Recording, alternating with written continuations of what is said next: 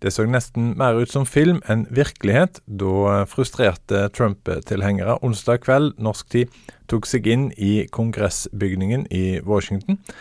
Hvordan oppleves scenene ifra Washington for en av få norske avisredaktører som i høst var tydelig Trump-tilhenger? På nettsida idag.no skriver Bjarte Ystebø, assisterende redaktør i Avisa Norge i dag, at Trump-bevegelsen nå er død når vandaler og banditter tar seg inn i kongressbygningen i USA, sånn som vi er vant til å se fra statskupp i den tredje verden, så er det en svart dag for USA og, og for oss alle. For vi står jo i et uh, ideologisk fellesskap uh, og andre fellesskap med amerikanerne. Så det, det syns jeg uh, svarer til den betegnelsen.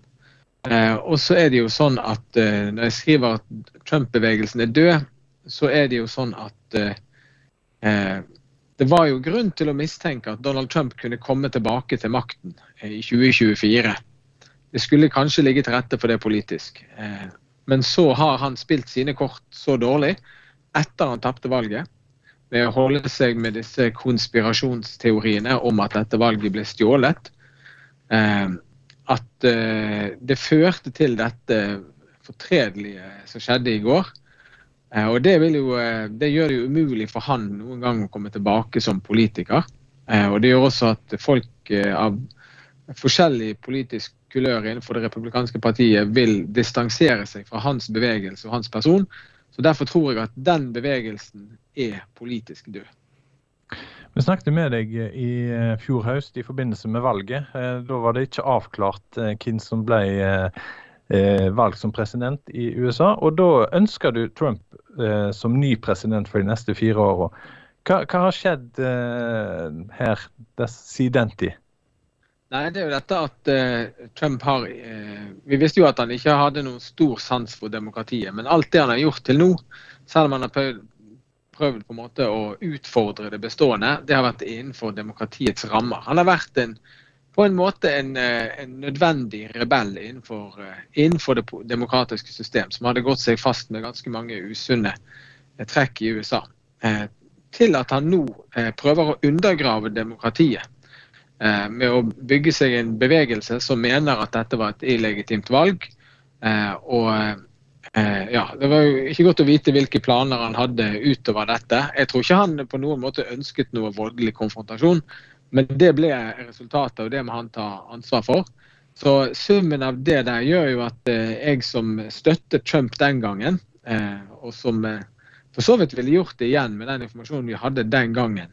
Fordi at det var et enkelt valg i 2016 når det sto mellom han og Hillary. Det var et enkelt valg i 2020 når det sto mellom han og Biden.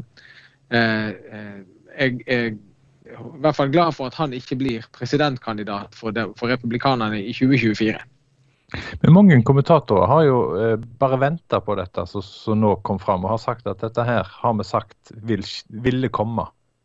Eh, hva, hva, gjør at ikke hvis jeg kan si sånn, hva gjør at ikke du har sett det før nå?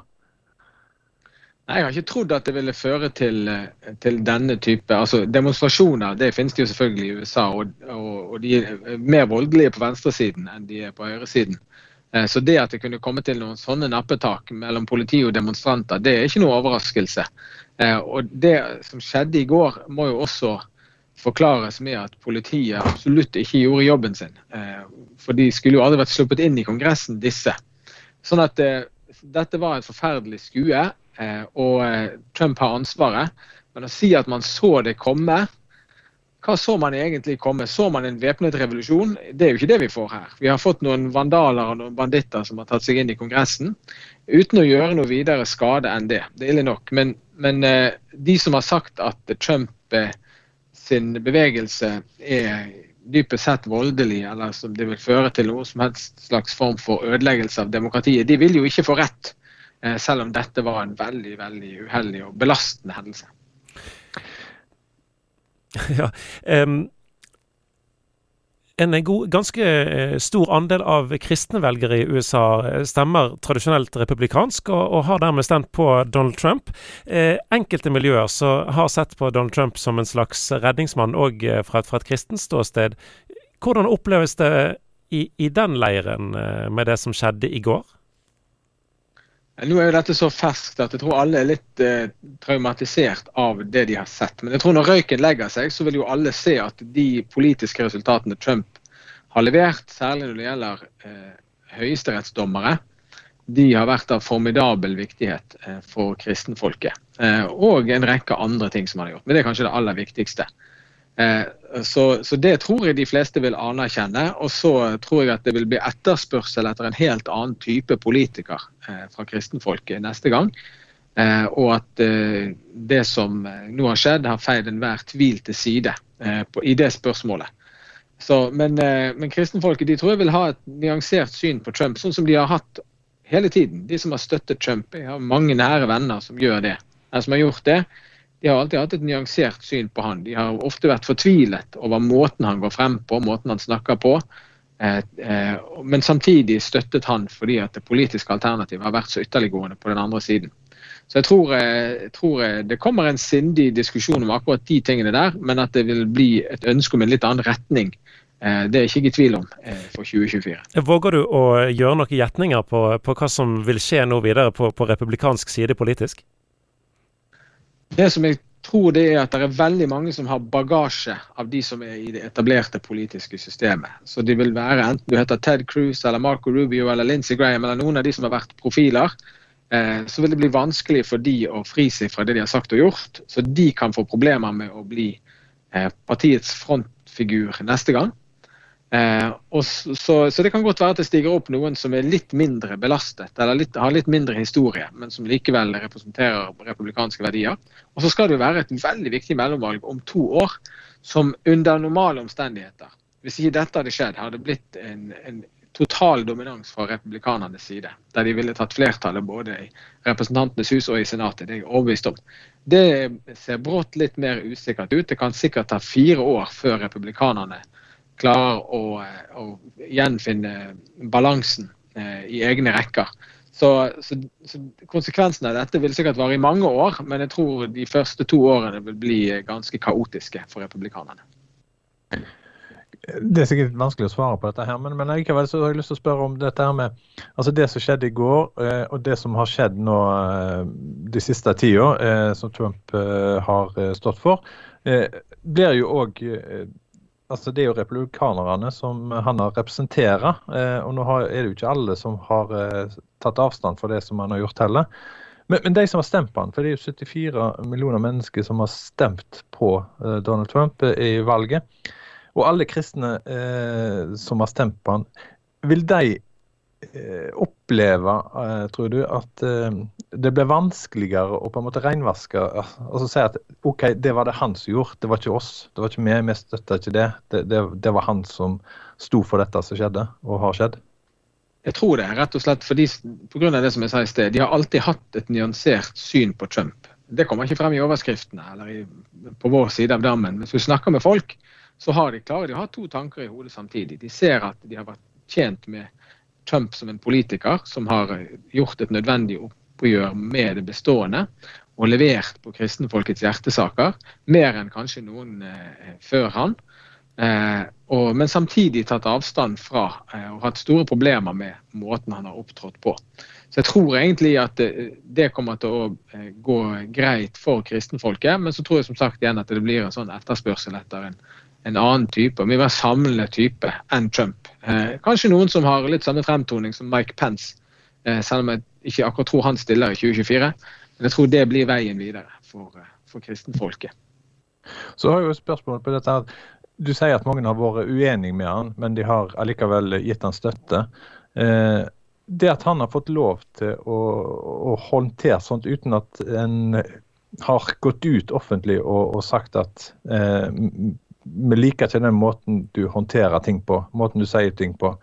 Eh, vi har jo på norsk svelge kameler. Eh, har amerikanske konservative kristne svelget såpass mange kameler nå at, eh, at en burde en sånn, sett en sånn i ettertid eh, ha gjort det på en annen måte? Ja, det, i ettertid så tror jeg man godt kunne nyansert seg mer. Eh, men jeg tror de politiske konklusjonene ville blitt de samme. At Trump har gjort de riktige tingene i viktige spørsmål. Altså det er verdens enkleste ting å være etterpåklok, eh, men, eh, men jeg tror i all hovedsak så er det selvfølgelig ingen som ønsket denne utviklingen her, og man ville, ville helt sikkert hatt større forbehold når man har uttalt seg og sånn.